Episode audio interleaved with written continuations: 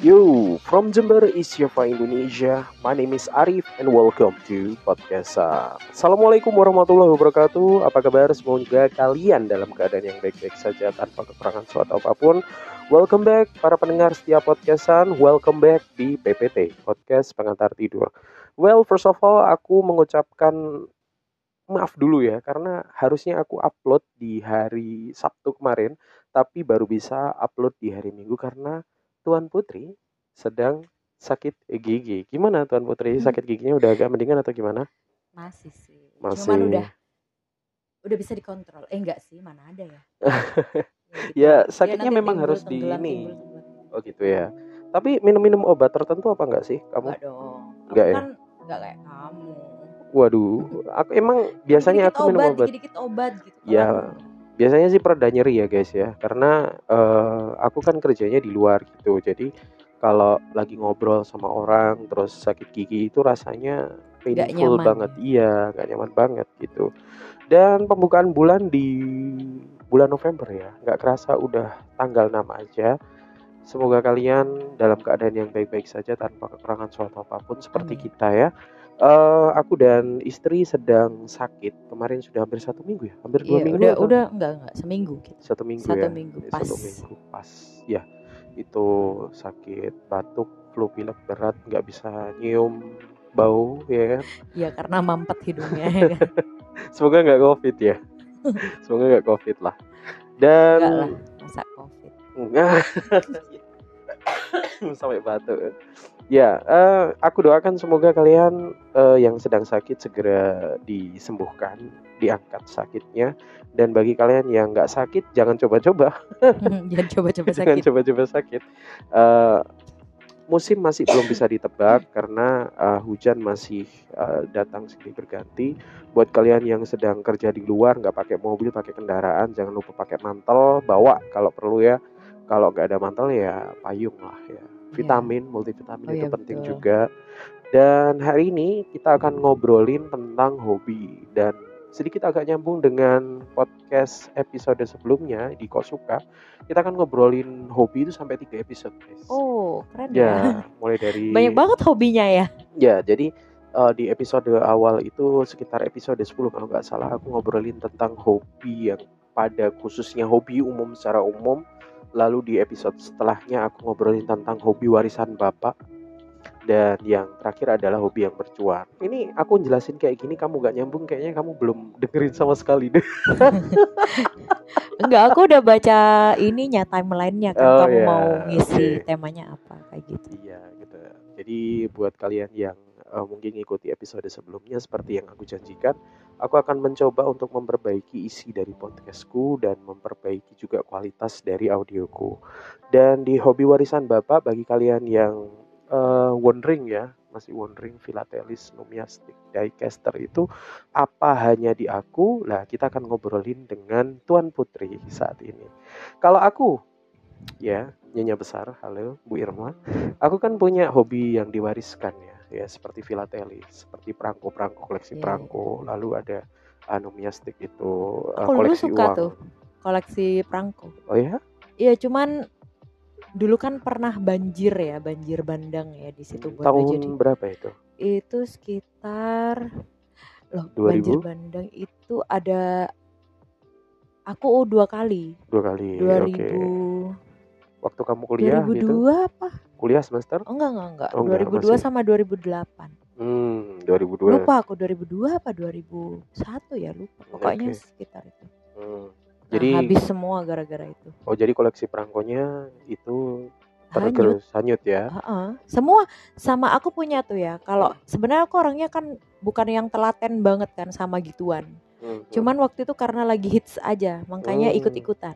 Oh hits di antara siswa-siswa itu hits. Iya di tempatku. Oh. Di tempatku perangkonya itu bisa mahal-mahal loh. Oh, Oke. Di teman-temanku itu. Itu Dulu. perangko yang bisa di Iya buat kirim-kirim. kirim-kirim itu. surat itu. Oh, Tapi ya. mereka mereka dapatnya dari luar negeri apa kayak gitu. Hmm, kok bisa mereka dapat ter? Ya apa karena karena eh, gini, bertukar? enggak enggak beli kayaknya mereka. Oh beli. beli karena gini teman-temanku itu kan sekolahku aku pernah cerita ya tempat sekolahku itu dulu yang sekolah anak-anaknya orang penting gitu. Oke. Jadi kayaknya apa pun yang mereka inginkan itu kayaknya gampang banget Oh, dapetnya gitu. Jadi dulu mahal-mahal, perangkonya Hmm. itu mahal-mahal. Kalau kan pasti ada kayak apa sih? Kalau di perangko itu kan ada kayak misalnya dari Indonesia Hmm, kayak gitu kan. hmm, Nah, hmm, itu ada yang dari Belanda, dari apa kayak gitu. Hmm. Lah kalau kamu sendiri mengoleksi perangko itu dari membeli di kantor pos. Beli di kantor pos. Oh, beli kantor pos. Ha-ha. Keren ya. Iya, karena dulu kayak gitu. Eh, karena aku sendiri pun ya, misal aku sewaktu SMA atau mungkin yang sudah ditunjukkan koleksi perangko dari bapakku itu, aku nggak sampai segitunya beli nggak di, beli gitu. iya, Oh, aku nggak beli. aku dulu beli. Jadi kalau dulu Yang telaten ngumpulin itu bundaku ketika aku dapat yang baru, hmm, itu bundaku yang natain di kan ada album Oh. perangko itu. betul, betul, Ada betul. kan dari apa kayak Tebel kayak album foto kayak itu, album foto, cuman Betul. dia kecil. betul. Nah, Ada yang itu. kecil ada yang gede lah, Nah, besar itu. eh, kalau punyaku dulu kecil, kira-kira segini lah, setengahnya gini. Hmm, Nah, itu bundaku yang tatain di situ. Bundaku hmm. yang paling ini dulu kan. Kalau telaten ya. mm-mm. Berarti kamu hanya beli yang nyimpen bunda. iya ditatain, aku Iya. nggak bisa natanya. Iya berarti pada dasarnya kamu cuman beli-beli doang ya. iya betul. Itu Iya, ya, iya, iya. sampai sekarang ya. Kayaknya hobi beli Sampai dari sekarang. kecil ya. Iya, yang ngerawatin dulu. nanti aku gitu. Ah, bener. Terus dulu itu juga kan pas zamannya ngumpulin perangko-perangko gitu itu dulu aku juga juga ngumpulin koleksi ini Westlife, Oh ya. foto-foto apa. Foto-foto. Aku dulu ini langganan Bobo sama majalah Gaul Hmm. sama majalah Aneka. oke, oke. Jadi itu kamu potong-potong, Mm-mm. terus kamu kumpulin kayak dibuat clipping Enggak, gitu ya. bundaku yang yang motong-motongin. Lagi-lagi bunda ya. iya. Aku kan biasanya suka posternya aja aku tempel Ah, iya, sampai oke. semua dinding kamarku itu Ah. poster semua, nggak nggak ada Ah. celah sedikit pun untuk taruh apa poster semua. Berarti full itu Full. Aku bahkan full punya yang poster. yang Hmm, oke. posternya Westlife itu yang lim, yang 2 meter itu. 2 meter. Itu dapat dari mana? Dari majalah Gaul. Oh, gitu. Majalah Gaul, majalah Aneka. Hmm. Terus kalau yang kecil-kecil gitu, itu bunda aku yang motongin, terus ditaruh Hmm. di clipping, Iya. di binder, bindernya itu isinya semuanya Westlife semua. Hmm. Oh, kalau Kena kamu cerita banjir. seperti itu, kalau kamu cerita seperti itu berarti aku nggak perlu heran ya. Kenapa? Ketika kamu sudah besar seperti ini, apa ya? Kesukaanmu atau kecintaanmu terhadap Westlife itu begitu besar gitu. Iya. Karena dari kecil ya memang seperti itu. Iya dan didukung sama orang tua aku gitu. Hmm, Oke oke oke. Berarti Cinta banget aku. cinta banget ya Wah, sama cinta banget. pacar keduamu atau pacar Oh, pacar pertamamu? pertama. Wah, wah. Kan Anda cuman Iya. selingkuhan ya. selingkuhan. Ya itu seperti yang dikatakan oleh penggemar K-pop pada saat ini Hmm, ya. iya. Ya. Eh, kalau zaman dulu bu, kan namanya bukan K, K Boy band. boy band ya. Jadi orang-orang Ya, barat itu karena kan K-pop karena mereka dari Korea dari Korea. Korean Tapi pop namanya gitu. kan tetap boy band. boy band ya. Hmm. Oke, itu ngobrolin tentang hobi. Lah menurutmu sendiri kenapa sih eh, anak-anak sekarang atau orang-orang sekarang itu jarang yang eh, mengikuti hobi seperti dulu itu, seperti filatelis atau nomiastik atau yang lain-lain itu? Mungkin alasanmu kenapa? Kalau dari aku sendiri, eh, aku entah mencari alasan atau memang ini alasan yang sebenarnya ya, kenapa kok aku tidak melanjutkan hobi kakek dan bapakku mengumpulkan perangko maupun mengumpulkan uang karena yang pertama itu eh, mengumpulkan barang-barang seperti itu kan butuh tempat ya. Hmm. Padahal eh, generasi milenial seperti kita ini biasanya rumahnya itu tidak sebesar orang-orang dulu. Iya betul. Jadi tidak ada ruang atau tempat khusus untuk menyimpan hal-hal seperti itu. Kalau Hmm. kamu sendiri kenapa kok bisa kayaknya nggak ngikutin lagi gitu sepertinya? Apa karena zaman aja? Ya karena zaman sih. Karena kalau zaman sekarang kan anak-anak itu kan misalnya dalam mencintai se- sesuatu itu mereka sudah dimudahkan dengan Media sat- sosial. Yes, media sosial itu. Kalau Hmm. zaman dulu kan enggak. Misalnya Hmm. dia pengen apa, kita mau fotonya misalnya anggap aja Westlife gitu. Iya. Itu kita masih harus ngumpulin majalah. Oh iya. harus benar. ini dulu langganan. effort ya. Iya, langganan Effortnya majalah lebih. dulu mahal loh. Iya, zaman benar, benar, aku benar. kecil. Aku kecil dulu majalah Aneka itu 16.000 ribu apa 26 Hmm, gitu. hmm, hmm, hmm. Satu eh kalau Aneka itu dua minggu sekali kalau nggak salah. Kalau Oh, sampai hafal ya? karena aku mesti beli diantar. ya Eh, eh. oh diantar jadi kayak langganan koran gitu ya Iya, aku langganan Bobo, Aneka sama Hmm, majalah gaul itu. Hmm, Kalau majalah gaul cuman tujuh ribu apa gitu. eh, dan Padahal- itu yang bayar orang tuamu bukan kamu Enggak, aku kalau aku beli uang sendiri. saku Heeh. oh keren ya keren keren, keren. Ya tapi uang sakuku kan nggak banyak.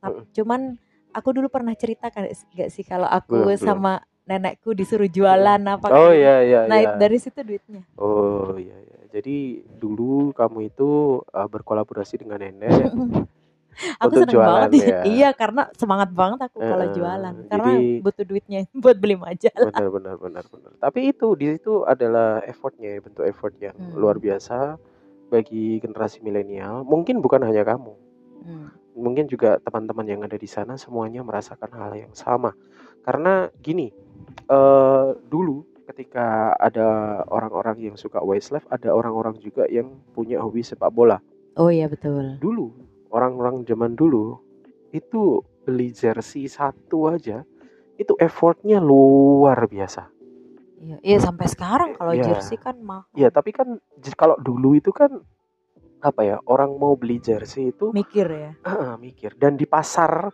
itu luar biasa banyak loh orang jualan kaos-kaos jersey Hmm. sekarang nggak ada Ya, Hampir nggak ada. Ha, bayangin orang eh, anak muda atau generasi milenial cowok pada saat itu eh ketemu di sekolah ngobrolin bola Iya. pulang mainnya bola sore kalau nggak main bola capek main PS bola lagi maghrib isya ketemu highlight bola lagi Iya sih. malam begadang Bola. bola lagi sekarang dengan adanya media sosial orang nggak perlu begadang nonton bola Iya, nonton betul. highlightnya aja Tapi memang eh, setelah apa sih era milenium ya kalau Iya. dulu. Setelah era mil- milenium itu era internet lah katakanlah menurutku enggak Hmm. dulu kan ada Mm. era 2000 itu kan era milenium namanya. nah Kamu ya pernah aku tahu lupa. nggak? aku iya Nah. ya dengar dengar lah Jadi waktu itu kan transisi dari 99 ke 2000 ke milenium itu Iya, tadi. oke Itu menurutku da- di zaman bagi aku yang eh, tidak berasal dari keluarga yang kaya ya. Mm, mm. Itu menurutku di era milenium aku bisa justru bisa mendapatkan apa saja. Kar- Hmm. Padahal waktu itu krisis moneter. Iya. contohnya contohnya Ya aku merasa lebih mudah. oh Mungkin lebih dimudahkan mungkin iya, mungkin karena nasibnya ibuku juga kayak Semakin sudah mulai baik. ha, ha, semakin baik di era Mm, milenium itu mm, tadi. mm. Di krisis moneter itu tadi Hmm, ibuku hmm. justru eh kayak meniti karir dari yang tadinya nggak punya sanggar jadi punya sanggar kayak gitu-gitu. Mm. jadi perubahannya Jadi- luar biasa ya Mm, daripada di era yang katanya semua semua kan serba murah ya Mm, waktu zaman murah. ah, kan 90-an Pak itu kan Harto, semua ah, iya. itu kan serba murah. serba murah serba Iya. ada Tapi justru aku waktu jam di zaman serba murah itu aku justru kayak nggak punya apa-apa gitu rasanya. Mm. Kayak sulit teman-temanku punya ini aku nggak punya, teman-temanku punya ini aku nggak punya gitu. Tapi Hmm. justru ketika krisis moneter itu aku merasa lebih baik sih. Hmm, ya Oke. Gitu. Kalau aku sendiri eh, ketika krisis krismon ya waktu itu memang menurutku lebih mapan keluargaku. Keluargaku lebih mapan. Waktu itu ayah atau bapak itu dengan pekerjaannya yang sebagai pengacara itu bisa punya tanah, bisa punya rumah, bisa punya mobil, bisa punya segalanya. Setelah krismon ya sedikit berangsur-angsur itu menurun gitu Hmm. Entah karena keterbukaan informasi masuknya internet jadi semua orang bisa mengakses pekerjaan jauh Iya, lebih iya. mudah dan orang yang masih berpikiran secara konvensional belum berubah ya mereka akan ketinggalan zaman seperti yang saat ini terjadi bagiku eh aku kan sekarang ini bekerja dan bergelut di dunia pendidikan ya Ya. sewaktu pandemi itu eh apa ya dunia pendidikan itu seakan-akan dikagetkan semua orang harus di rumah. Hmm. semuanya harus serba digital. Dan padahal pengajar-pengajar di Indonesia itu satu mungkin secara teknologi belum siap. Yang kedua secara gadget juga belum siap. Yang terakhir adalah eh, tentang akses internet. Mungkin bagi kalian yang belum tahu atau mungkin bahkan tinggal di Jember eh, belum begitu familiar dengan daerah pinggiran seperti uh, Curah Nongko atau Paseban yang istilahnya koneksi internet bahkan listriknya itu Iya, tidak sebagus ya. di kota lah. Ketika masa pandemi dan sekarang sudah apakah ini sudah endemi ya? Belum ya kayaknya. Belum, ya. Pemerintah juga belum mengatakan endemi. Datangnya media sosial lalu era digital itu luar biasa dibutuhkan di Indonesia dan seakan-akan kayaknya masih belum siap Hmm. gitu dan orang-orang yang belum siap ya akan tergeser dengan sendirinya.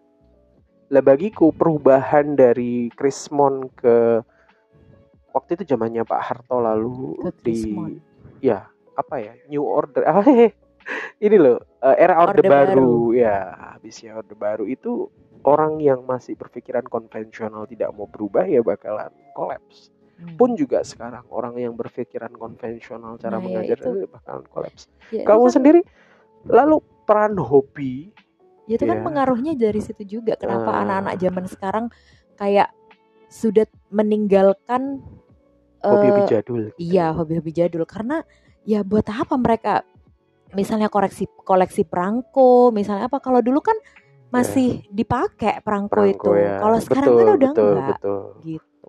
Lah, kalau hanya untuk sekedar kelangenan Kelangenan menurutmu itu kelangenan itu apa ya mengingat-ingat zaman dulu oh dulu Oh, dulu kita ini punya gitu ya. perangko dan Ya nggak sebagainya apa-apa sih, cuman kan Hmm, zaman sekarang mungkin tidak dikenalkan kali ya. Hmm. Di sekolah aku nggak tahu ya masih dikenalkan apa enggak karena zaman dulu kan kita dikenalkan perangko ya perangko. dan perangko pun sebagai alat komunik eh, perangko itu sebagai apa ya istilahnya ya itu kan alat kayak stempelnya iya dari daerah Iya, gitu itu kan. kan kayak nominal yang harus kita bayarkan Hmm, ketika kamu ingin mengirim surat. iya, Contoh betul.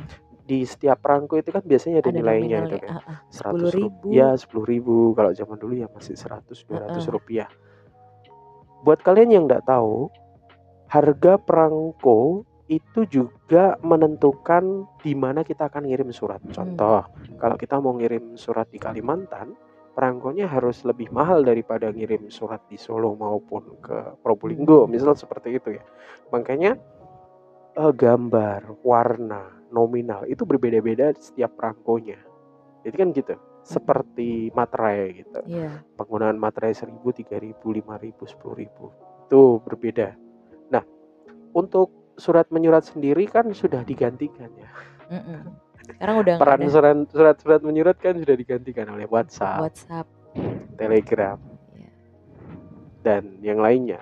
Iya betul. Nah, berarti menurutmu atau bagimu perangko itu sudah nggak ideal ya buat buat buat untuk hobi untuk dijadikan hobi untuk saat ini Oh ya tentu saja masih lah. masih ya? Kalau untuk ideal atau enggaknya, cuman kan kalau menurutku eh, paling yang masih hobi ngoleksi kayak gitu ya paling ya seangkatan kita gini. Hmm. Kalau anak-anak yang baru lahir anak 2000-an gitu kayaknya udah Apa sih ini. Heeh, kayaknya udah barang enggak. apa Karena ini perangko 2000-an ini? pun di era 2000-an pun kita sudah digampangkan sama HP dulu. Iya. Gitu kan udah nggak ada perangko perangko nggak usah gitu telegram eh Ah. apa sih? Facsimile facsimile fax. Iya Facsimile itu. Itu kan dulu pakai itu juga iya tapi kan sekarang udah nggak iya nah gitu Ya, paling mereka Sudah udah nggak nggak ideal, kenal ya. kalau kalau anak-anak milenial Hmm. menurutku berarti kalau menurutmu sendiri hobi yang paling apa ya yang ideal eh tapi mungkin perangko bisa jadi hobi mahal loh di Oh, zaman iya. sekarang Iya, ini sebagai ini aja ya referensi ya. Kemarin aku sempat searching perangko paling mahal di dunia itu perangko yang pernah dijual diperjualbelikan ya. Itu perangko apa? Itu ada perangko bergambar Ratu Wilmea, Wilhelmina Belanda itu yang warnanya merah. Hmm. Itu 5 miliar oh satunya. iya Iya. iya iya iya Keren tapi itu. Tapi kan itu hanya untuk sesama kolektor biasanya iya seperti itu. nggak mungkin kalau nggak kolektor, kolektor, nggak mungkin. iya nggak mungkin juga tapi bisa senilai itu lah Hmm. sebuah hobi perangko itu nah kalau bagimu sendiri kamu yang sudah melewati masa transisi sejauh ini ya mulai dari tahun 90-an 2000-an sekarang udah 2020 Yang masih konsisten. Menurutmu sendiri hobi yang paling ideal buat kita kita ini hobi apa sih Yang ideal. yang ideal menurutmu ada nggak sih hobi ideal gitu Ya banyak lah. Kayak misalnya eh, lebih ke kayak soft skill kayak gitu. hmm, Kayak gitu-gitu. jadi hobi yang nantinya akan bisa menghasilkan cuan intinya itu ya nggak semuanya harus ke orientasinya kan harus ke ke cuan uang ya enggak kan Nah, tapi kalau hobi yang nantinya bisa menghasilkan cuan kan lebih baik gitu menurutmu Hmm, Enggak juga. menurutku sejauh ini hobiku menghasilkan uang dan aku masih apa ya kayak menikmatinya ya? iya menikmati Hmm. aku kalau kayak beberapa waktu yang lalu aku kayak ditekan untuk gini aku nggak tahu siapa yang menekanku cuman aku merasa itu aku ditekan Hmm.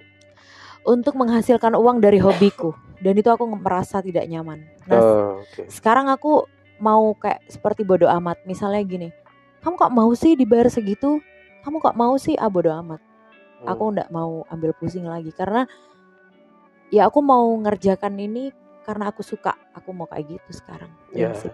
Oke. Ya bagi kalian yang mempunyai pikiran seperti itu tetap eh, apa ya semangat dengan hobi kalian. Semoga hobi kalian bisa menghasilkan cuan dari situ. Iya nggak usah ngarep cuan lah kalau hobi ya udahlah Ya at least menurutku gitu sih. ya ya at least kamu bisa ngomong seperti itu ketika kamu punya pekerjaan utama yang menyokong kehidupanmu atau kebutuhanmu sehari-hari. Gitu. sejauh Jadi- ini yang menyokong suami sih Oh ya. ya, let's say ya makanya I, I said that gitu ya. ya tapi kan apa ya kalau eh kalau aku misalnya Ya.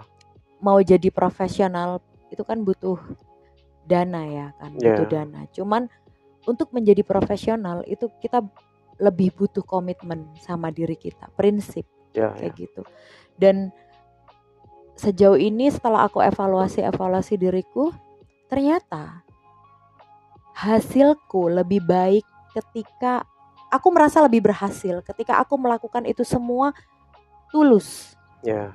jadi aku merasa aku menjadi sosok yang benar-benar profesional ketika aku nggak punya pikiran lain selain aku Tulus. harus mengerjakan. ini dengan hatiku Ya, eh gitu I mean sih.